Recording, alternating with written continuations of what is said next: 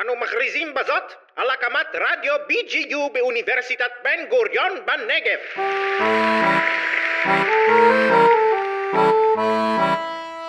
זה מדהים. אמרתי לה, אני, אי אפשר להכניס את השטן לנעלי בית. תחשבו על זה בהקשר של החתולים. ספרות זה הכל. הפודקאסט של המחלקה לספרות עברית באוניברסיטת בן גוריון בנגב.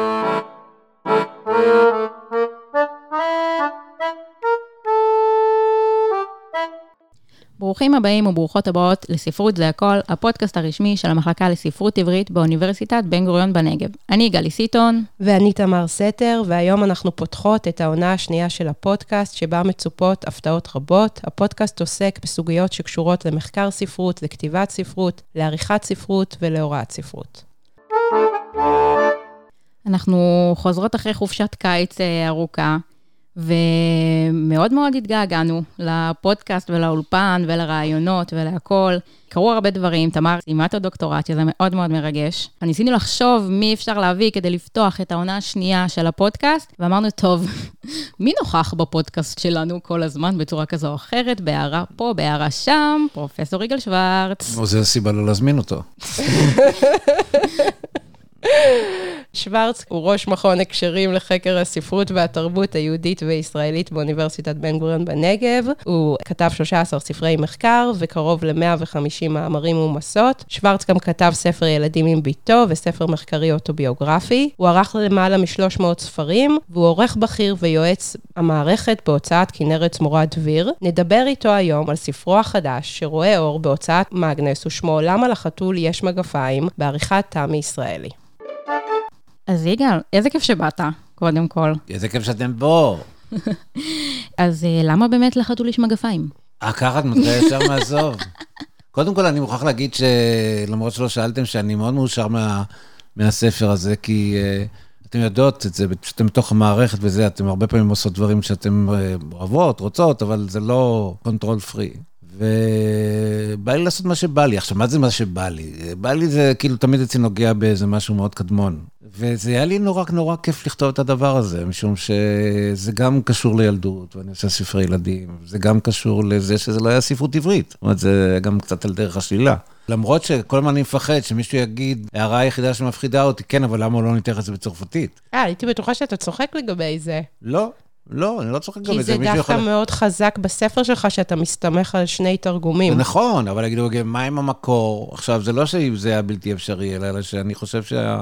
רוב הדברים שעסקתי בהם, גם ברמה של הלשון, הם, מעוגנים וככה וזה. כן. במקרים נדירים, כמו עם העניין, שיש איזה שם עניין עם המפלצת, שכן היה עניין שהיה צריך לבדוק בצרפתית. חוץ מזה, כדי להבין מה קורה שם, הייתי צריך להיעזר בספרייה שלי, מה שאתם יודעים, ואין שום חלק של הספרייה שאני יותר אוהב מאשר הארון של הספרי המיתולוגיה וספרי ילדים וככה, ורק זזתי שם, בתוך הארון הזה, היה העולם שלי. ואחרי זה שניסיתי לראות מה אנשים כתבו על כל מיני דברים, אז גם כן, אז אחד מברזיל, ואחד mm. מאיטליה, ואחד, כי קוסמופוליטי, פעם אחת לא בתוך הביצונית הזאת שלנו, של ה... זה היה, היה לי מאוד כיף. לא שאני, יש לי הרבה, מחויב, הרבה מחויבות ואחריות מטורפות ביחס לספרות העברית, אבל זה לי, הרגיש לי כאילו טיול נורא מעניין, וגם בהקשר, אני נורא אוהב היסטוריה, ובדרך כלל לא עוסק בהיסטוריה במובן הזה של uh, מה קרה שם באמת, ואיך זה היה יכול לקרות. זה מעניין, כי אתה באמת יותר דמות שמזוהה עם הספרות העברית, מאשר uh, ספרות עממית. אתה מרגיש שבכל זאת כזה משהו מעולם הספרות העברית נכח בחוויה שלך ב... בניתוח של הסיפור הזה? לגמרי, תראי, יש שם מבחינת ההיסטוריוגרפיה, זה טקסט היסטוריוגרפי. זאת אומרת, זה גם כן צומת, כמו שתמיד אצלי, נען רבאק, אני לא יוצא מהתבניות שלי כבר. זה, זה משהו, מקום שמשתנה, שיש מהפכה. עכשיו, זה מדבר להם מהמון המון כיוונים. כי אני, אני מהפכן מהאמצע, לא, לא, לא מהשוליים. אני תמיד עושה דברים, אומנם באר שבע זה לא אמצע, אבל אבל זה בכל זאת אמצע. ויש שם צומת כזאת שדברים משתנים. עכשיו, אם את שואלת אותי עכשיו, תמר יודעת, מה הייתי מתחיל ללמוד, אם הייתי מתחיל ללמוד, עוד פעם, דתות ו... ופולקלור. וואלה. אין לי שום דבר נגד ספרות עברית, אבל uh, הכל כבר כתוב בתמצית, ב... תראו, תראו איזה טקסט כזה, זה בסך הכל איזה עמוד ומשהו, תראו מה יש בו, מה הוא מחזיק בתוכו. איך באמת, התייחסת לזה בספר, אבל למי שעדיין לא קרא ואנחנו קצת רוצים, אה, רוצים לגרות את המחשבה, למה דווקא החתול במגפיים? שאגב, כשקראתי את הספר, פתאום אמרתי, בואנה, אני יודעת שיש חתול במגפיים. תכלס, בחיים לא, לא ידעתי מה הסיפור של החתול במגפיים, הכרתי אותו כדמות ולא את העלילה. קודם כל, את מכירה את הווריאציה של שרק וככה וכל מיני דברים כאלה. כן, אבל לא... לא, לא, לא, בסדר, אבל כמו שכתבתי, זה באמת המעשיית חיות הכי מפורסמת בעולם. כלומר, אתה חלק מהמהדורות שיש לי, אבל יש דברים מטורפים, פשוט מטורפים, בכל מיני, מכל מיני מקומות, שגם גזלו מכיסי הרבה מאוד כסף. בואו נקווה שהמכירות של הספר הזה יחזירו. ממש, כן. תראי, אחרי ש... כולם יודעים שהכסף אחרי... הגדול זה בספרי עיון בספרות. אחרי שהמגש הכסף נמכר ביותר מ-1,500 עותקים, אני כבר לא יודע למה לצפות. זה יכול להיות... זה באמת מרגש, שהוא כן. נמכר ביותר. תראי, קודם כל זה סיפור, זה מעשייה. אה, על אה, משפחה שיש טוחן, שיש לו שלושה ילדים, והוא מת, הוא משאיר להם אה, ירושה. לחלק מעט מאוד, אז הוא נותן, משאיר תחנת קמח לבן הבכור, בבן האמצעי הוא נותן חמור, ולקטן הוא נותן חתול. משם בן הצעיר מקבל את ה... צריך להסתדר בעולם עם חתול. מה עושים עם חתול? להוריד לו את האור, לא להוריד לו את האור, לעשות מה כן, גם ההתמודדות שלו עם חתול היא קצת מוזרה. התגובה שלו לחתול, שהוא אומר שהוא יעשה ממנו כפפות ויאכל אותו. למה זה מוזר? גם אתה התייחסת לזה, מי אוכל חתול? לא, אני, זה שאני... למה אתה מסתכל? אתה כתבת את זה. דרך אגב, לא הצלחתי לברר. אם אוכלים חתולים או לא? אני מניח שברעב הגדול בצרפת אכלו חתולים. אבל אה, לא היה לי לזה שום אסמכתה, לא, לא הצלחתי, ניסיתי, לא, לא גיליתי. אחרי זה הוא, החתול עושה כל מיני תעלולים, בקיצור, ובסוף הוא מגיע לאיזה, לאיזה קוסם, והוא מצליח לאכול אותו. אני, אני חושב שהכרתי את זה פעם ראשונה במהדורה של קסנר, mm. שהיא מאוד מרוככת. מאוד מאוד מרוככת, עם המון הומור. למרות שגם אצלו העניין של הקניבליזם כן. נשמר ביתר שאת אפילו. נכון, לא יכולים, לא יכולים להתאפק כשמגיעים. בדיוק. גם האחים גרים. כן. מקדישים לעניין הזה המון. עכשיו תראי, העניין הזה, במקרה, מה, יש לי היום שיעור על עריכה, במקרה דיברתי על זה, אבל דיברתי על זה הרבה פעמים. כאילו, אני שונא מקור. זאת אומרת, אני אוהב טייק אוף. זאת אומרת, אני לא, לא סובל את החיפושיות. לא עובדים וואו. עליי. אני רק כששומע אלינור ריגבי שרד צ'אס עושה, או שסמסינג, שאני יודע שירלי בייסי עושה, או אני גם רואה נניח, פתאום אני חושב שזה ג'יימס בולד, כי אני רואה אותו על רקע התבנית שאני מכיר, ואני אוהב קומות שניות. זה מעניין, כי אתה כאילו, אחד ה title ים הכי ידועים בקשר אליך זה שאתה עורך, ומה עושה עורך אם לא מתעסק במקור, ב... ב... אף פעם זה לא מקור, נשמה שלי. זה הכל, אה, קודם כל, נניח אם אני עורך ספר של... 28 של, של, של, של אפלפלד, או עשירי של אדף, אז יש תשעה קודם. כאילו, כל מה שאנחנו מספרים כל הזמן, אין אף סיפור שמישהו סיפר עדיין בעולם ש, שהוא המקור. לא קיים דבר כזה, basically. לא קיים דבר כזה. ונניח ציורי מערות, ותמיד מוצאים אחד שהיה קודם. זה, זה משהו מאוד מוזר, למרות שהתרבות היא לא כל כך ארוכה. בסך הכל, כל הדאווין הזה. זה היה 50 אלף שנה, לא יודע כמה. אבל אני לפעמים רואה שאני נורא עייף יוטיוב, כי אני יכול לראות שעה טלוויזיה בערב. יותר אני פשוט חוטף עצבים. לא, פיזית, זה קשה לי. אז אני יכול להיות קטע סדרה של 50 דקות. ואז אני רואה יוטיוב, מה אני רואה? The Voice בדרך כלל, ורק את השלב של ההתחלה. האודישנים. רק את האודישנים. זה הכי כיף. עכשיו, גם בגלל העניין של, של הפריצה, שנורא עובד עליי רגשית, וגם בגלל העניין הזה של, ה, של הטייק אוף. זאת אומרת, אני יודע, אתמול שמעתי ביצוע של איזה מישהו עושה את The Show Must Go On של, אה, של מרקורי, שהייתי בהלם. עכשיו, השלוש דקות האלה, זה לפעמים מדהים אותי, של מוזיקה, אני חושב שהקול של האדם זה דבר מטורף. כן. שלוש דקות שאפשר לבצע דברים פשוט בצורה מטורפת. אז בעצם אתה אומר... הביצועים האלה, הקאבר יותר מעניין אותי מהמקור. כמו השירים ב-The Voice, אתה חושב שהחתול במגפיים מגיש לנו איזושהי תמצית כזאת מאוד מרוכזת של רגע היסטורי, משהו, מעשה ספרותי מאוד מתוחכם. לגמרי, וגם על רקע זה שהסיפור הזה רץ, וזה העניין של הקאבר, רץ כנראה בטח 1,500 שנה קודם, או 1,000 שנה לפחות mm. קודם, בכל מיני גרסאות, ואתה רואה את הגרסאות. אתה רואה את, ומה שעשיתי גם השתמשתי, כמו שאתם יודעות, בגרסאות שבאו אחר כך. כן. וזה נורא כיף, כאילו, יש כמה כדורים באוויר כל הזמן. שאתה כל הזמן יכול להסתכל על השינוי. כן, כל הזמן אתה במטמורפוזות כאלה של זה, וחוץ מזה, זה גם הקטע הזה שמאוד עובד עליי, של העממי והגבוה. שברור שהספר הזה זה ניסיון שלך לפרוץ אותו. כן. דרך אגב, שוב, אם אני חושב על מה יהיה לאנשים להגיד, אנשי פולקלור לא יאהבו אותו. למה? כי אנשי פולקלור אה, מתקדמים, אה, יש להם העמדה שפולקלור זה דבר שקיים תמיד, אין רגע שהוא מתחיל להיות תרבותי. יש תמיד אספקציה של פולקלור בכל מה שקורה. זאת אומרת, רוב האנשים שהיום עוסקים במקצוע, נניח דודו רוטמן, אה. אנשים טובים כאלה, וגם בחוץ לארץ, הם אנשים שאומרים, אין מצב כזה ש, שפתאום ברגע היסטוריה אחד, אז זה עבר מסיפור עממי לסיפור תרבותי. לא, תמיד היה שם ותמיד יהיה שם כל מיני עניינים. שפולקלור זה לא... זה לא שינויים דרמטיים, זה נבנה כאילו לאט-לאט. כן, וזה גם פאזה שקיימת בעולם, כמו רומנטי או קלאסי או משהו מהסוג הזה, שזו עמדה מעניינת, שלא טובה לי, אבל היא מעניינת. זה גם משהו שמונע עמדה של להגיד שיש מהפכה, אם אתם רוצים. נכון. אז איך באמת, בגלל שיש המון המון גרסאות לדבר הזה, איך בחרת להתמקד במה שבחרת? בגלל שהיא גאונית. לא, זה, אני באמת חושב שזה גאוני. עשיתי את ההגעה הרביעית או החמישית של הדבר הזה, mm-hmm. נורא נהניתי. עכשיו, זה לא קרה לי בספרים אחרים.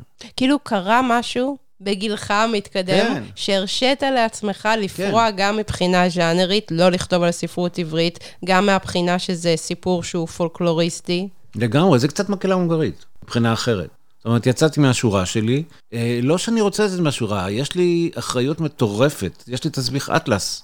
ביחס לספרות העברית, אני חושב שאני מוכרח לכתוב את הביוגרף של הסיפורת הישראלית. ממש מרגיש שזה... לא בחירה. חובה לשקט, חובה לציונות, חובה לנעליים, חובה לגרביים, אני לא יודע איזה... למגפיים. למגפיים, כן. אז כאילו יצאת להפסקה קצרה לפני שהתחלת במסע הזה, למשהו כיפי, לכתוב על סיפור ילדים. כן, אבל יחד עם זה אני אומר, את כאילו, את מגש הכסף שאתם מכירות, בנוי על אותה תפיסה. זאת אומרת, זה רגע היסטורי שאני רואה איך הם משחקים איתו, רק בניגוד לחשיבה המקובלת. וגם רגע דיאלוגי. וגם רגע דיאלוגי, שזה הדבר הכי חשוב בעיניי בעולם. יש איזה רגע בספר, שאני אני לא אגיד מה הרגע כדי לא להרוס למי שעוד לא קרא, אבל שממש תיארת שמצאת משהו. מצאת איזה משהו אחרי הרבה הרבה חיפושים שאחרים כן. לא התייחסו אליו. מעניין אותי איך זה מרגיש בתור חוקר, פתאום... עכשיו לתאר למישהו שבכלל לא מגיע מהעולם של, של מחקר, איך זה מרגיש פתאום למצוא משהו כזה. זה קורה המון פעמים. זה לא כזה זה כיף התגלות לא נדירה כן, של... כן, כן. כן. אני לא חושב שזה ישבש משהו ל... לא, לא, יש מה איזה... למה קוראים לו רוזן קרבס? אני רוצה להגיד משהו נורא מהותי שאתם מכירות מהספר. כל העניין הזה התחיל מזה שחוקרי פולקלור לא מנתחים מעשיות. כל העניין התחיל מזה שמעשיות לא מנותחות, בכלל, ספרותית. הן מנותחות או כקובץ, או שנניח בית אליים, או כל מיני כאלה פסיכואנליטיקאים, וזה מדברים על סינדרום. כן. אז הם לוקחים כמה, או היסטוריונים, לוקחים כמה, או דרנטון כזה, שאני מאוד אוהב אותו, שלוקחים אה, כמה מעשיות ומוצאים פה או שם כזה, אבל לקחת את הדבר הזה כגוף שלם, של עומד בפני עצמו, ויש לזה לגיטימציה, כי זה באמת מעשייה חצרונית. בגלל זה הייתי יכול לעשות את זה, כי הוא כתב את זה, חתם את זה, סגר את זה בספר. עד הסיפור עם הוא סיפור שתלוי הקשר והוא זז כל הזמן. פה מישהו הקפיא אותו. Mm. עשית עליו קצת מהלך של חוקר ספרות, אה, זה, על, אה, כן. לגמרי. שזה איזשהו יתרון שאתה מגיע ממקום שהוא אחר. לגמרי, ואני חושב שזה יתרון מאוד גדול, לא בספר הזה דווקא, אבל זה יתרון מאוד גדול שאתה בא ממקום שאחרים לא באים ומפר את החוקים. וכמו שאתן יודעות, שום דבר שעושה לי זה יותר להפר חוקים. זה נכון. אז הזדהית עם החתול במגפיים. לא, זה ממש סיפור מהסרטים. זה אני אפילו לא הבנתי עד... זאת אומרת, יש שם, שני פירושים. אה, אחד זה פירוש כזה שהוא אומר, בעצם הוא סיפר את הסיפור פרו לחבר'ה האצילים. ו... בתחילת המאה ה-18. כן, בתחילת המאה ה-18, וכאילו לקח משהו עממי והפך אותו להיסטוריה וירד על העניים, כאילו. כן. אבל אפשר לקרוא אותו גם הפוך, כמו מהפכן, ולהגיד שזה, וזה שתי קריאות טולות, ויש עוד קריאות שלא קראתי, רק רמזתי עליהן. אחת מהן שבאמת ממחיזה את הסיטואציה שהוא כנראה סיפר אותה, ודרך אגב, תמי ישראלי רוצה לעשות ערב אה, נורא חמודה בתל אביב, בבית אריאלה, שימחיזו את הקטע הזה. וואו, איזה רעיון מקסים. זה רעיון נהדר, כן.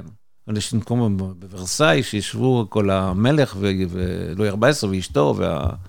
הפטרון שלו וככה וזה, ושחקן שלא יודע, אבל זה מאוד נחמד. הלאה, לגבי החתול. האם אתה מזדהה איתו? אני שניהם. זאת אומרת, יש שם מישהו שהוא הבחור, שהוא chosen one, שבעצם אסור לעשות כלום כי הוא פשוט נבחר, כמו בכל הסיפורים. הדבר הכי טוב שאתה יכול לעשות זה לא לעשות כלום. כן. כי, כי לא, לא, הוא עושה בחירה בחתול. כן, אבל מספיק, לא, אחת. לא מעבר. אבל הוא אפילו לא עושה בחירה בחתול, מורישים לו את החתול. כן. הבחירה שלו זה להביא מגפיים, וכמו שאתה ציינת, יש אה, אולי באחים גרים שסנדלר עובר שם, וזאת נכון. הסיבה היחידה שהוא, נכון. כלומר, באמת כלום. לא, הוא לא אוכל אותו. לא, נכון, הוא לא אוכל נכון. אותו. אז זה גם לא לעשות. נכון, נכון. הבחירה של החתול, שהיא לא... הוא, כל ההבדל ביניהם, ויש ביניהם הבדל עצום, וזה גם איזו אמירה שהיא קצת קשורה לקריאה המהפכנית של הסיפור, שלא יעזור שום דבר, החתול תמיד יישאר, יישאר משרת. גם כשהוא יהיה משרת המלך, הוא יהיה עדיין משרת. ו, והוא צריך לעשות, כל, זה לא כתבתי אפילו, כל הזמן בחירות כדי להישאר בחיים. הוא ניצב בפני המון צמתים, והוא צריך לקבל הכרעות. שני, בן המלך הזה... העתיד לבוא. הבן התוכן. לא, באמת צריך להיות יפה ולשתוק. ובאמת יש בעניין הזה הרבה, מהזווית של האצילים, כאילו, כמו, כמו בחורה. נכון, הוא, הוא פסיבי. הוא פסיבי לגמרי, כולל הרחצה עירום, וכולל הזה, וכולל שמלבישים אותו כן. בגדי מלוכה, ו... אבל המערכת האנלוגיות בסיפור היא באמת מפוארת, אין לי מה להגיד. זה לא שאני, זה, זה גם צריך היה לעקוב אחרי זה, אבל אני הגדול ואני הקטן שם מול המלך, וההשתקפויות, והבבואות, והזה, והכל סיפור כזה קצר. אבל אני מתחמק מהעניין הזה. יש לי הרגשה שיש לה, שאין לה אולי בסיס, אבל שאני קצת chosen one. זאת אומרת, לא, מה לעשות? זאת אומרת, גדלתי בבית קשה, אבל, אבל בכל זאת אמרו לי, אתה, you can do it. והיו לי המון, גם היום דיברת על זה באיזה הקשר אחר, הרבה מאוד מצבים שבהם רציתי משהו וישר קרה. את יודעת, הייתי יכול, רציתי להיות עורך, אחרי יומיים הציעו לי להיות עורך. כל מיני דברים מהסוג הזה, וגם העיתויים, זאת אומרת, כל העניין של הפוסט והזה, ו, ונניח הייתי יכול לא להכיר בכלל את לאה עיני, ואז היא באה אליי עם ורד הלבנון עכשיו, או רות אלמוג עם שורשי אוויר. Mm. צריך מזל של, של, של בן מלך בשביל השטויות האלה. והחתול הוא טריקסטר, שזה באמת הדמות הכי מפחידה אותי והכי זה, שהוא, שיש בו הרבה מאוד אני, כי אני באופן בסיסי, כשאני נוסע בכביש, והדימוי של הכביש אצלי הוא קריטי, מסומן באמצע הכביש אה, קו הפרדה, ויש שני מסלולים, אני רואה שלושה. כי אם אתה שם את המכוניות אחת ליד השנייה, נכון. יש שלושה מקומות, נכון. ולא שניים. ואני ככה נוהג. וככה אני, ואני נוהג על הכביש, אני לא עוקף, אני לא יורד מהכביש. לא הולך לאיזה כביש אה, לשביל ועוקף, לא, אני נוסע בכביש, אבל אני דואג ש... והכי נוח לי שכולם נוסעים נניח במהירות של 120 קילומטר שעה, שאז יש לי אפשרות למרוד מאוד גדולה, ואז אני ככה.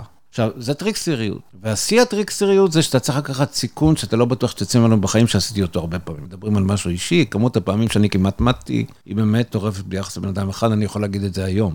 זאת אומרת, כולל מצבים מאוד מוזרים, למשל, אה, היה לי פגישה עם החברים שלי בפלוגה שלי במלחמת לבנון, בסולטן יעקב, שעברתי שלושה טנקים, ובשני כבר עברתי אותו למפקד בלי שאף פעם הייתה לי הכשרה להיות מפקד. הרסתי את הטנק השני ועברתי לשלי, נכנסתי איתו בקיר. הזמן אמרתי, שומר פתאים, אדוני. עכשיו, מה זה זה? זאת אומרת, היום אני יכול לדבר על זה, פעם לא הייתי יכול לדבר על זה. ושלא הייתי יכול לדבר על זה, זה שהלכתי לפסיכולוגית וחזרתי מהמלחמה, אמר לי, מה היה שם? ואמרתי, זה נורא מצחיק, תראו מה זה. זה מדהים. אמרתי לה, אני, אי אפשר להכניס את השטן לנעלי בית. תחשבו על זה בהקשר של החתול עם מגפיים. צריך לנסות מגפיים, כן. מדהים. כן, כי גם לחתול יש לו הרבה רגעים ש...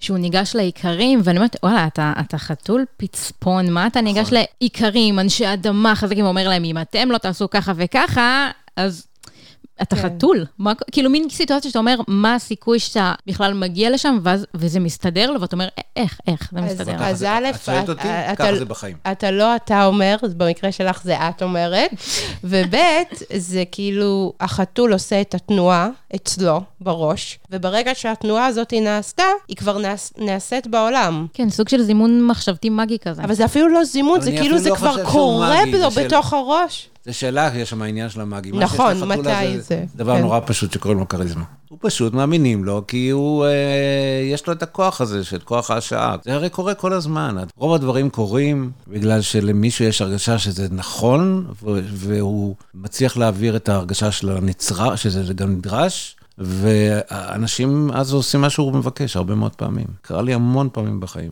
זה קרה לי המון פעמים, זה קורה לי עם ספרים שההוצאה שלי לא רוצה להוציא לאור, קורה לי עם אה, אנשים שרציתי שיהיו להם תקנים ולא היה להם תקנים, כל מיני דברים שאתה בא עם הרגשה של, אה, ואתה מצליח לשכנע ב... ומצד שני, שלך. הטריקסטר זה גם מי שמלכלך את הידיים. כאילו, הוא מלכלך את הידיים, יש שם פיצול בין בין התוכן לבין החתול. אבל איפה הוא מלכלך את הידיים? בכל סיטואציה בעצם. לא, אבל כאילו, איפה, איפה הידיים שלו מתלכלכות ממש? שהוא הורג, שהוא משקר, שהוא מפחיד, שהוא מאיים, שהוא בולע את המפלץ בסופו של דבר. זה כאילו, אנחנו לא מוכנים לראות את הדברים שאנחנו עושים, ואז יש דמות אחרת, כאילו אנחנו מתפצלים דרכה, כי היא זאתי שעושה בשבילנו את הדברים האלה. אתה אומר את זה. לא, אבל זה גם... בספר. זה גם, זה גם הכיוון, נכון, אבל זה גם הכיוון לא ככה, אבל זה גם הכיוון שאני לא כל כך הלכתי אליו. Mm-hmm. בעניין הזה שזה בעצם דמות אחת מפוצלת. כן. כי, כי זה הלך יותר לכיוון הפסיכולוגי. יש הרבה מה להגיד על העניין הזה, אני, אני בטוח. אבל uh, הוא on the age, שהוא קיר המוות. זאת אומרת, הוא כל הזמן נוסע במהירות שמשאירה אותו מאונח. זה דימוי שכבר השתמשתי בו פעם, במקהלה ההונגרית. אני חושב ש... ו, ו, וזה תמיד הקסים אותי. זאת אומרת, המצב הזה שבו אתה בשנייה האחרונה, בזה, בסיבוב שאחריו אצל מוות, אתה עושה איזו תנועה ש... מוציאה אותך, משאירה אותך עם כוח המשיכה בזה, וזה מה שקורה לו באמת עם הקוסם הזה שכמעט אוכל אותו. עכשיו, אני מוכרח להגיד לכם שכאילו כל הסיפור הזה, אני באמת חושב, לא היה שווה שום דבר אם המפלט לא היה קניבל. כן, זה רגע מאוד בולט בה, כאילו כל הטון של הסיפור פתאום משתנה, ופתאום לרגע החתול הזה חוזר להיות חתול מסכן שמפחד, ואתה ממש יכול לדמיין את השערות שלו סומרות, ואת ה... לגמרי. ובא לך רגע ללטף אותו ולעשות לו קיצי. נכון לגמרי. נכון, אבל כל העניין הזה של גבול הנורמלי וגבול הריבונות של המלך והגבול החוק, וכל הדברים האלה שנכנסים, בעיניי זה גאוני, פשוט גאוני, וכל המהדורות, אף אחד לא, לא העלה על דעתו בכלל.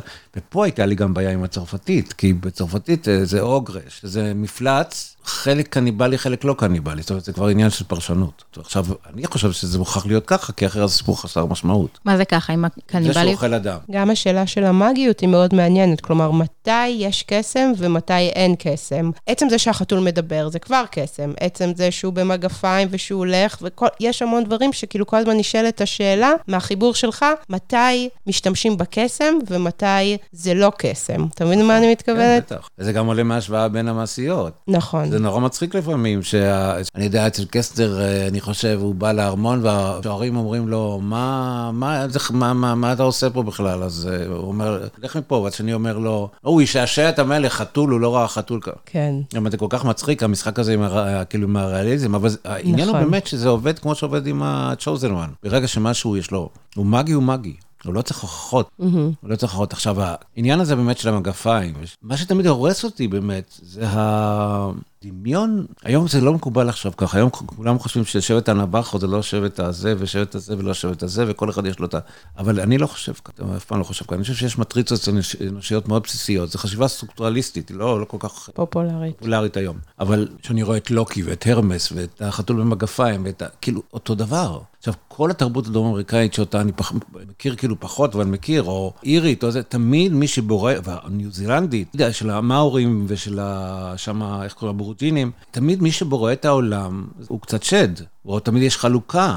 עכשיו, זה, החלוקה התבססה בעיקר מאז האיראנים. זאת אומרת, הם המציאו את העניין הזה של ה...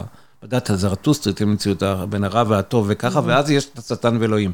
אבל תמיד הלך ביחד, זאת אומרת, אין, לא יכול להיות דבר כזה, זה נורא מובן לנו, לא יכול להיות דבר כזה שיהיה אלוהים בלי שטן, אין דבר כזה. נכון. אין דבר כזה, אבל שניהם, עכשיו השטן, באופן מוזר, כמו שאנחנו היום יודעים, הוא זה שעושה את הדברים, הוא מזיז את הדברים, כי אלוהים טוב לו בשקט. ולכן יאגו, שתמיד הרע הוא מזיז את הדברים, תחשבו על, אני יודע, על זמרי באהבת ציון. אבל זה, זה, הוא עושה את התנועה, הוא עושה את הזה, הוא יש לו את ה... השני רוצה, תעצבו אותי, הוא רוצה לשמר את המצב. כן, ככה זה בספרות המית, הכל כאילו בסדר, בסדר, בסדר, כן. עד שמשהו קורה, נכון. וזה משבש את השגרה, אבל זה מה שמוביל לתהליך של ההתבגרות, של ההתפתחות. והשאלה היא באמת, אם מה שקורה בסוף מחזיר את זה לאותו מצב, או יוצר משהו חדש. יש עניין עם הסוף, כי גם השאלה, uh, כן. בסוף יש סיום שהוא לא, לא מאוד נפוץ. הסיפור מסתיים עם, עם מוסר השכל שכאילו מגישים לך אותו, וגם עם שניים שהם לא מסתדרים אחד עם השני, כמו שאמרת בספר. כן, זה לגמרי מופרע. וזה, אני חושב, זה הרמזים הכי בולטים לזה שהוא אמר, אה, חבר'ה, תהיו קצת יותר רציניים ותשימו לב שמשהו פה לא בסדר. שיש טקסט וסאבטקסט. מעניין אם היה, מעניין אם באמת מבחינה היסטורית, היו אה, כמה מאזינים ששמעו את מה שאני שמעתי. Mm-hmm. כאילו, או הבינו את מה שאני הבנתי. אני מניח שכן, כי אחרת הוא לא היה מדבר ככה. אני וגם באמת מדמיין את הסיטואציה שישב וסיפר את הסיפור, והוא אמר, אה, אולי למלך תשמע, הוא שאתה כל כך סומך עליו, הוא הולך לזה. ולא, ובגלל העניין של הלואי 14, שהוא היה המלכת הזה, יכול להוריד לך את הראש, הוא לא אמר את זה ישר. ואז כאילו, הוא סיפר משלים, והשתמש בזה בתור אה, מניפולציה כדי להגיד משהו בצורה עקיפה, שזה... ביקורת שלטון. כן, כן. שמתחפשת לחתול במגפיים. שמתחפשת גם למשהו בעד השלטון, וביחד עם זה גם נגד השלטון. זאת אומרת, כאילו, תראו כל הדבר הזה באיזה מעשייה, כאילו, באמת. רוצה לחפות את... שווה. שומר על הראש שלו, כדי שלא... כן. ויש לך מחשבות אולי לעוד איזה מעשייה ככה? המעשייה היחידה שעובדת עליי בצורה דומה זה ג'ק ואפונה פלא. שזה גם, זה הכי chosen one. כן. כאילו ביג טיים. וגם בגלל שהיא אנגלית, ואני, יש לי חיבה רבה מאוד לאנגלים, ויש שם משהו עם ה... בין ה... תשימו לב, זה, זה מאוד דומה. יש העולם למעלה והעולם למטה, והחצייה של העולמות, והמשתף פעולה עם הילד הזה. והאכזבה על מה שקיבלת, ואז היא... כן, כן, והאימא הזאת, וככה וזה, אבל זהו סיפור שיש בו משהו אחר לגמרי והרבה יותר אנגלי. אחד מהדברים שאהבתי בספר הזה הוא לא המצאה שלי בכלל, זה באמת ההמצאה של, אה, של דרנטון, שיש אופי לאומי. כן. אה, שהוא מדבר על... גם העניין של הקמח, שזה לחם, לגמרי. שזה כל כך דבר צרפתי. נכון. זה כמו אם אין לחם תאכלו עוגות, שכאילו נכון. זה משפט. לא, שכאילו כל השנים אמרו אותו לגנותה, אבל בעצם, של מרי אנטואנט, אבל בעצם כאילו מבינים את זה, אולי התכוונה לבריאוש, כאילו שיש דברים אחרים שאפשר לאכול בשביל לחם, וכאילו מדברים על זה שהמהפכה הצרפתית פרצה, בגלל שלא הייתה, הייתה תקופה שלא היה לחם, שכאילו לחם זה הדבר הכי הכי בסיסי, שברגע שלוקחים אותו, זה הרגע שבו הכל יכול להשתנות. לגמרי, לגמרי, בגלל זה באמת תחנת קמח שהוא... בדיוק. כן. לא, אני, אני באמת חושב שזה... אני חושב על סיטואציה של, של אה, לימוד שהוא כיף, ואתה, משהו שאתה יכול להקיף אותו במבט ולקרוא אותו בתוך עשר דקות, ואחרי זה אתה יכול לדבר עליו... אה, שנים. כן, ממש... אה, אז יש עוד כמה כאלה, אבל אני... מה שבאמת מדהים אותי, ובאמת מדהים אותי, זה, זה גם בשביל להגיד שזה העבודה שעשיתי אולי מיוחדת, אבל שבאמת אין, זה ממש נשמע מוזר. שלא כתבו על היצירה לא כתבו הזאת. שום- לא זאת, אין ניתוח פרטני של שום מעשייה ספרותית. נאדה. למה אתה חושב שזה? כי זה נחשב, פחות לוקחים את זה כי זה ברצינות? לא היה, או- קודם כל זה מקצוע שבהתחלה עסקו בו באופן אנתרופולוגי. זאת אומרת, באופן לא, לא אנתרופולוגי, זה לא המילה הנכונה, באופן, אני יודע מה, כמו שהולכים ליער, סיווגי. אה, יש שתי ג'ירפות, יש זה, זה, זה, זה, זה. אחרי זה קראו אותם בהקשרים לאומניים בגלל שהלכו לרומנטיקה. אחרי זה בהקשרים פסיכולוגיים וכל מיני דברים כאלה, אבל לא קראו אותם אף פעם כספרות, גם בגלל שזה נחשב ספרות פופולרית ונמוכה, וגם בגלל שאני חושב שלא היה מושג של אינדיבידואציה של יחידה אחת, כמו שמקובל לגבי רומן. אה, שאני חושב ש, שזה בא עם הבורגנות גם הרבה מאוד, של כאילו יש מקום לדבר הבודד. כן? פה לא, פה זה היה מעשיית עם, זה שייך לכולם. אז זה גם קובץ, אז זה גם כן. מקבץ של דברים. אז אתה- יכול לעסוק באחים גרים, ואתה לא לוקח אה, דבר אחד, גם אתה מניח שהיו לזה אלף גרסאות, אז אה, למה אנחנו צריכים דווקא את, ה, את הגרסה הזאת? כן. אה, אבל פה היה לי אישור, חותמת, שהבן אדם ישב וסגר את, ה, את הדבר הזה, וזה, אני חושב, רגע מכונן כשלעצמו. ממש. אתה אומר, לוקח משהו, ציפור, לא נעים להגיד, ומצלם אותה. ולמדת משהו חדש דרך המח... המסע הפרשני הזה על הספרות הישראלית, הספרות העברית החדשה, על מה שאתה רגיל לחקור אותו ולחשוב עליו. שאלה, שאלה שאלתית מאוד. חש- חשבתי ששאלי אותי על עצמי, אבל... אה? יאללה, אפשר, אפשר לשאול גם אם. למדת משהו לא, חדש על זה עצמך. החרדות שלי, אני חושב שזה כן. החרדות שלי, החרדות שלי שהן מאוד קשות מהעניין של המסכה. ממש קשות מאוד. אה, שכאילו, מת- אתה, דרך המחקר הפרשני, אתה מנסה להבין בדיוק מה עושה החתול, מתי הוא לובש מסכה, מתי הוא מזייף, מתי, כאילו זה איזשהו ניסיון להקנות שליטה על המציאות. אני חושב שזה כל מה שאנחנו עושים. נכון. עכשיו, מי ש... טריקסטר זה אחד שיודע להחליף מסכות בצורה מעולה. או פוליטיקאי טוב זה פוליטיקאי שיכול לעבור מקהל לקהל ולשנות נכון. את הנוסח שלו. אבל העניין הזה של אה, אם המסכה טובה, זה נדבקת לך לפרצוף. ואז אתה אין לך פרצוף. אם המסכה לא טובה, אז רואים חלק מהפרצוף חלק וזה מפחיד, כמו בפנטום של האופרה. אה, אותי זה מפחיד בגלל שבאמת לא, כמו שאמרתי שם, בגלל שלא היה כך, המסרים שקיבלתי מההורים שלי לא היו כל כך ברורים. ולכן הייתי, לכן גם הלכתי ללמוד ספרות, כי הייתי צריך לפרק דו משמעויות ותלת משמעויות וכאלה. כאילו, זה היה, זה היה נשק פחות או יותר לפרק את המערכים המניפולטיביים האלה, וזה גם מה שקורה בסיפור הזה, שיש איזה פה סוג של מניפולציה שאני... תראו, זה הודיני. כאילו, זה מישהו ש... אני חושב שזה מה שעושים בספרות, בכלל בחיים. זאת אומרת, למה... וככה, אגב, הוא סיים את החיים שלו, שבגלל שחשבו שהוא כל כך חזק, אני חושבת, מישהו הכה בו מאוד מאוד חזק, ואז היה אולקוס שהסתבך, כאילו, שזה בעצם, הנה הדבר הזה שמוביל למותך. עכשיו נזכרתי. לא, לא חשבתי על זה. אני חושב ש... זאת אומרת, זה כמו, אני יודע, דברים אלמנטריים, אבל כמו שנניח בעשרת ה... בכל, בכל ה... כל, ה... כל הדתות, בנויות על אל תעשה ואל תעשה ואל תעשה, יש אחד, תאהב את אלוהים, אבל כל היתר זה על ועל ועל ועל, אה, כמו חרוזים בסוף שיר. זאת אומרת, שאתה צריך לעשות לך מגבלה כדי אחרי זה לעשות תרגיל ולהשתחרר. עכשיו, זה פואטיקה, פה זה ממש הודיני.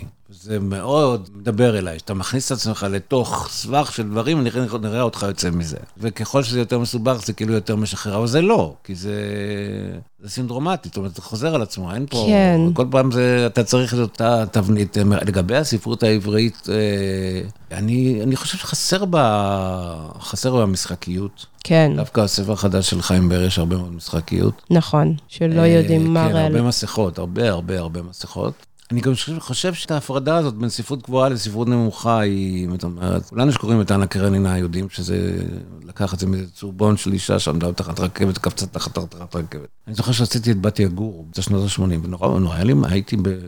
כאילו, במאי כמוך נניח, בירושלים. שקד מירון, פגיס פליישר, אה, פרנקל, אה, קרטון וכו' וכו' וכו'. ובאמת, היה מין כזה, ו... מה אלפה רומאו שלי? אני לא יודע אם את יודעת. מה, היה לך אז באלפה רומאו? היה לך BA עם אלפה רומאו? כן, ישנה. אוקיי, לא ידעתי. כן. יש עקביות במשהו. כן, יש משהו... וגם אני חושב שהטקסט הזה הוא נורא אוניברסלי, למרות שהוא... אה, גם מאוד פרטיקולרי. מאוד פרטיקולרי, ואפשר לראות את הקונטקסט, וזה חשוב, וככה הוא מאוד אוניברסלי, ועוסק בחרדות יסוד. אני לא יודע, אני לא, לא בטוח שלמדתי משהו...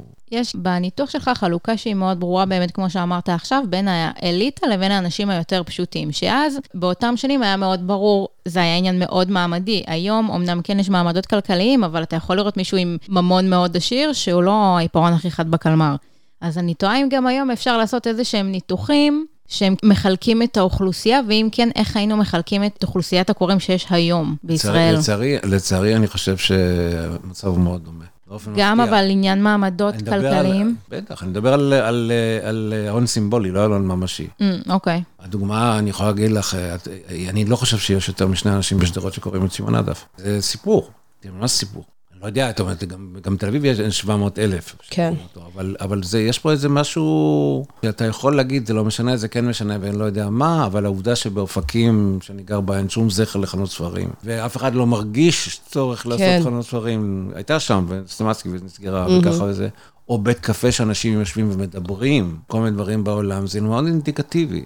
ואני חושב שזה יכול להתחלק אחרת. תראי, יש את המהלך הזה שאני חושב שהוא נכון, הוא נורא גס, אבל הוא נכון שברגע שאנשים מתעשרים והם לא רישים, הם רוצים להיות רישים. זאת אומרת, אתה יכול לראות את ה... גם נניח באופקים וגם בוודאי בנתיבות, שמי שיש כסף עושה ארמון, ואז הוא מראייט אותו וקונה דברים. אז בהתחלה זה כתם נראה נורא קיצ'י, ואחרי זה הבן של זה שעשה נורא קיצ'י, הוא כבר אה, מטייל במוזיאונים וככה ועושה יותר זה. ואחרי זה, עד, שהוא, עד שהתרבות מגיעה לאיזה שלב שבו זה שיר דיבר על זה בעלייה ונפילה של האימפריה הרומית, ש, ש, שהוא נעשה כבר קצת דקדנטי, ואז באים האחרים ומתחילים אותו מהלך ומורידים אותו ו, ויוצרים דבר חדש. עכשיו, הם תמיד, זה מה שהרבה פעמים מפריע לי גם בעניין של המזרחיות, הם צריכים לבוא בדרך כלל עם משהו שהוא תרבות אלטרנטיבית. כן. זה לא רק להגיד, מה שאתה עושה לא שווה, ו... אלא צריכים לבוא עם, עם רכוש. אז חלק מהרכוש זה להגיד שמה שהיה לנו שווה ולהעלות עוד פעם, חלק זה ליצור דבר חדש. זה, זה, זה קורה, אבל זה תהליכים מאוד, מאוד איטיים. בסוף מגיעים לתרבות, זה מה שאני אומר. זאת אומרת, קודם כל, נניח, את יכולה לראות כמה, נניח, יוצאי עדות המזרח היום בצבא ובפוליטיקה ובזה. כן. תרבות תמיד זה המקום האחרון של זה, וגם לא תמיד מעוניינים. נכון, גם עכשיו יש ו... מאוד uh, עניין של, שמה שחשוב זה העניין הטכני, הטכנולוגי, כן, הסייברי. וגם, וגם הכלכלי. כן, שהוא שעושים, מתורגם לעניין כלכלי. לכן שבאים, מה שמרגיז אותי הרבה פעמים, שבאים נניח עם טענות של... כמה מרצים וכמה מרצות יש באוניברסיטה, קודם לך תברר אם מישהו רוצה להיות מרצה או מרצה, משהו שהוא בכלל, אה, באמת העניין הזה של השאלה מה זה, מה זה מודל. המודל זה להיות סוחר עשיר, המודל זה להיות פרופסור, המודל זה אימא יהודייה שרוצה עורך דין או רופא. כן, כן כי כאילו פה בחדר לנו מאוד ברור, ובשיחה שלנו, התרבות היא המקום האחרון והיעד האולטימטיבי להגיע אליו, אני לא יודעת אם מחוץ לחדר זה אותו שיח. היא גם המקום האחרון לפני ההתפרקות, זה מה שאני אומר לך. התרבות הגבוהה היא תמיד רגע אחד לפני ההתפרקות. בכל חברה שהגיעה לשיא של הזה, הרומאית והזה והזה, ואז מתחיל ההידוניזם, ואז מתחיל המשתאות, ואז מתחיל, מתחיל לעשות צחוק מהכל, ואז מגיע הדקדנס, ואז זה מתפרק. ואז מתחיל משהו חדש. זאת אומרת, זה לא אני המצאתי, זה ממש לא... אז מה אתה חושב שהדבר החדש שמתחיל? אצלנו? כן. אני רואה פנייה מאוד לרוחניות.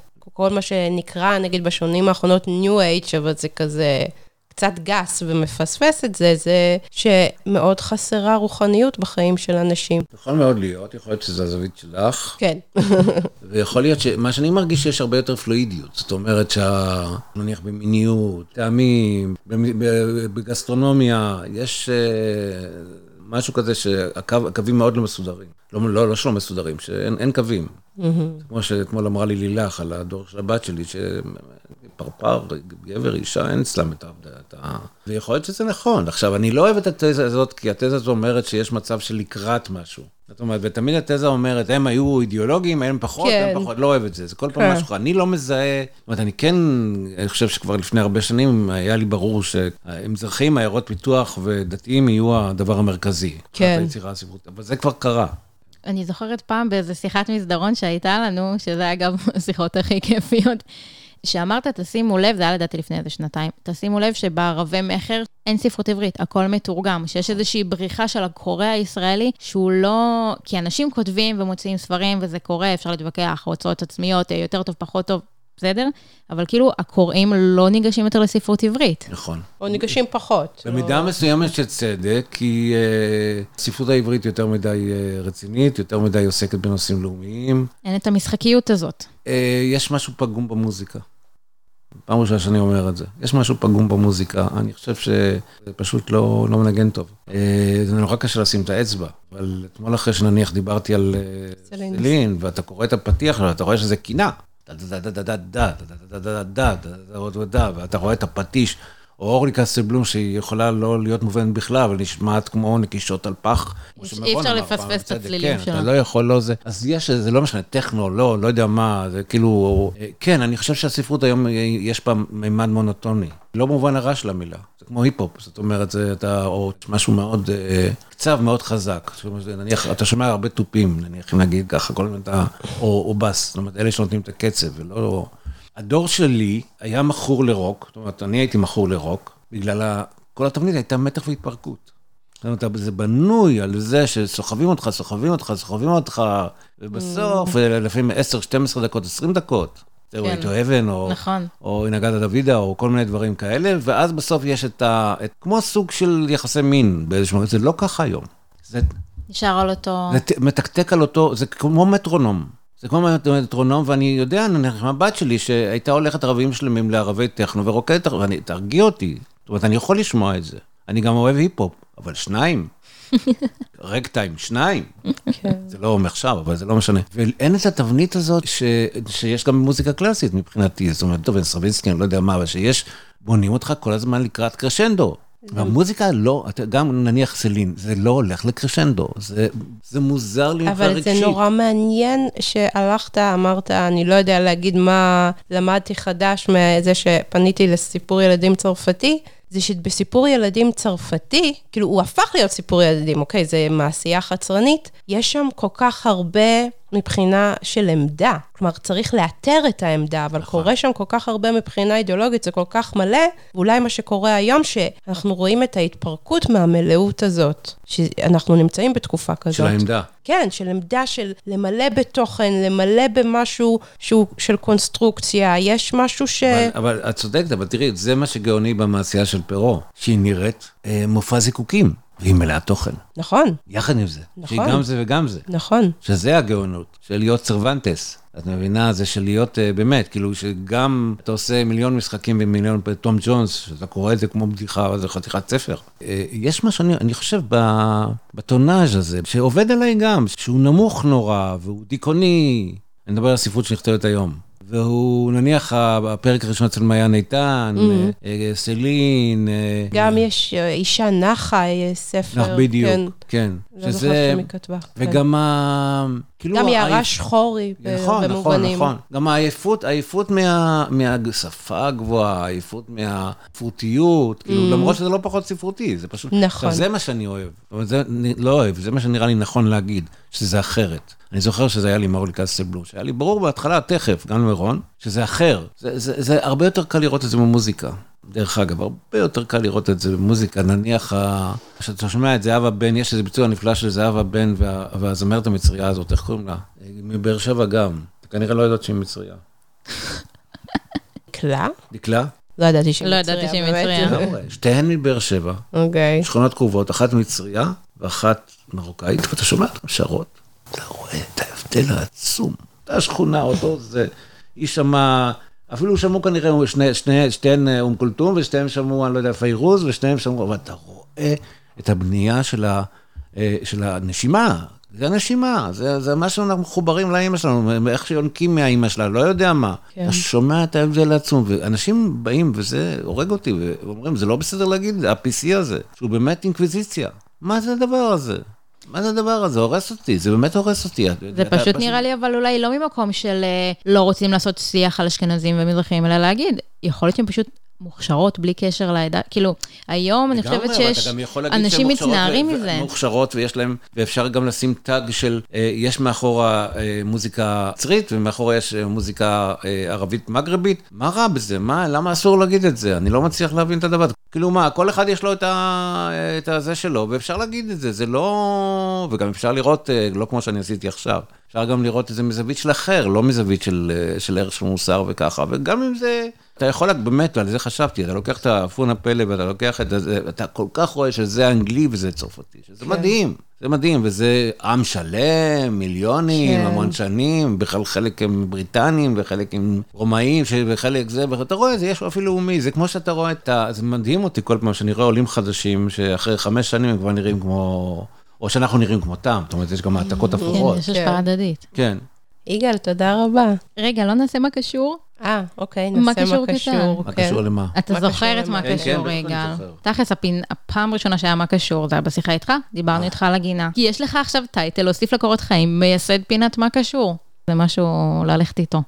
אני חושבת שמה שאני הייתי רוצה לשאול, אתה מטייל במלא מלא מקומות, יפן ואיסלנד וזה, טפו טפו טפו. עכשיו הופכת לי מלח על הפצעים. ממש. למה, מה עשיתי? קורונה, הוא כבר שנתיים פה. בסדר, אני לא, גם אני, אוקיי. כולנו באותו, שוחים באותו מלח, אבל איזה מקום הכי הכי היית רוצה להגיע אליו? יעד כזה שעוד לא כבשת אותו, יעד גלובלי. פרו. איך עוד לא הגעת לפרו? לא יודע, אבל לא הייתי לא בפרו ולא בבוליביה, והאינקאס האלה מאוד עובדים עליי. גם מפחיד אותי בגלל הגבהים וככה וזה, אבל התרבות האינדיאנית אה, משגעת אותי, ממש. כולל המוזיקה, זאת אומרת, כאילו זה ענקת גבהים הזאת, קח את הדבר הזה, המוזיקה זה מאוד מאוד. תודה רבה, יגאל. תודה רבה. יואו, איזה כיף שבאת. איזה אחלה ספתח. כן, תודה על ההבלחות והשיטפון, ושאתה חושב תוך כדי, ואתה אומר לא, ואז אחר כך כן, ולצדדים. זהו, מה שכיף עם יגאל, אם אני חוזרת לדימוי הכבישים, את כאילו מתחילה את הנסיעה, את שמה יד בווייז, כן. את לא באמת יודעת איך תגיעי לשם. ממש, שום דבר לא כאילו. מתוכנן. נכון, אבל יש איזה, תראו, אני אמרתי את זה תמיד על מירון ועל שקד, שמירון, אתה נורא רואה טוב מה השעה, אבל אתה לא רואה את המנגנון של השעון. את שקד היית רואה כל הזמן את המנגנון, ולא תמיד היית יודע מה השעה. אז אצלי רואים הרבה מאוד את המנגנון, ורק לפעמים רואים מה השעה. כן, היה לי באמת כיף. תמר, גלי, תודה.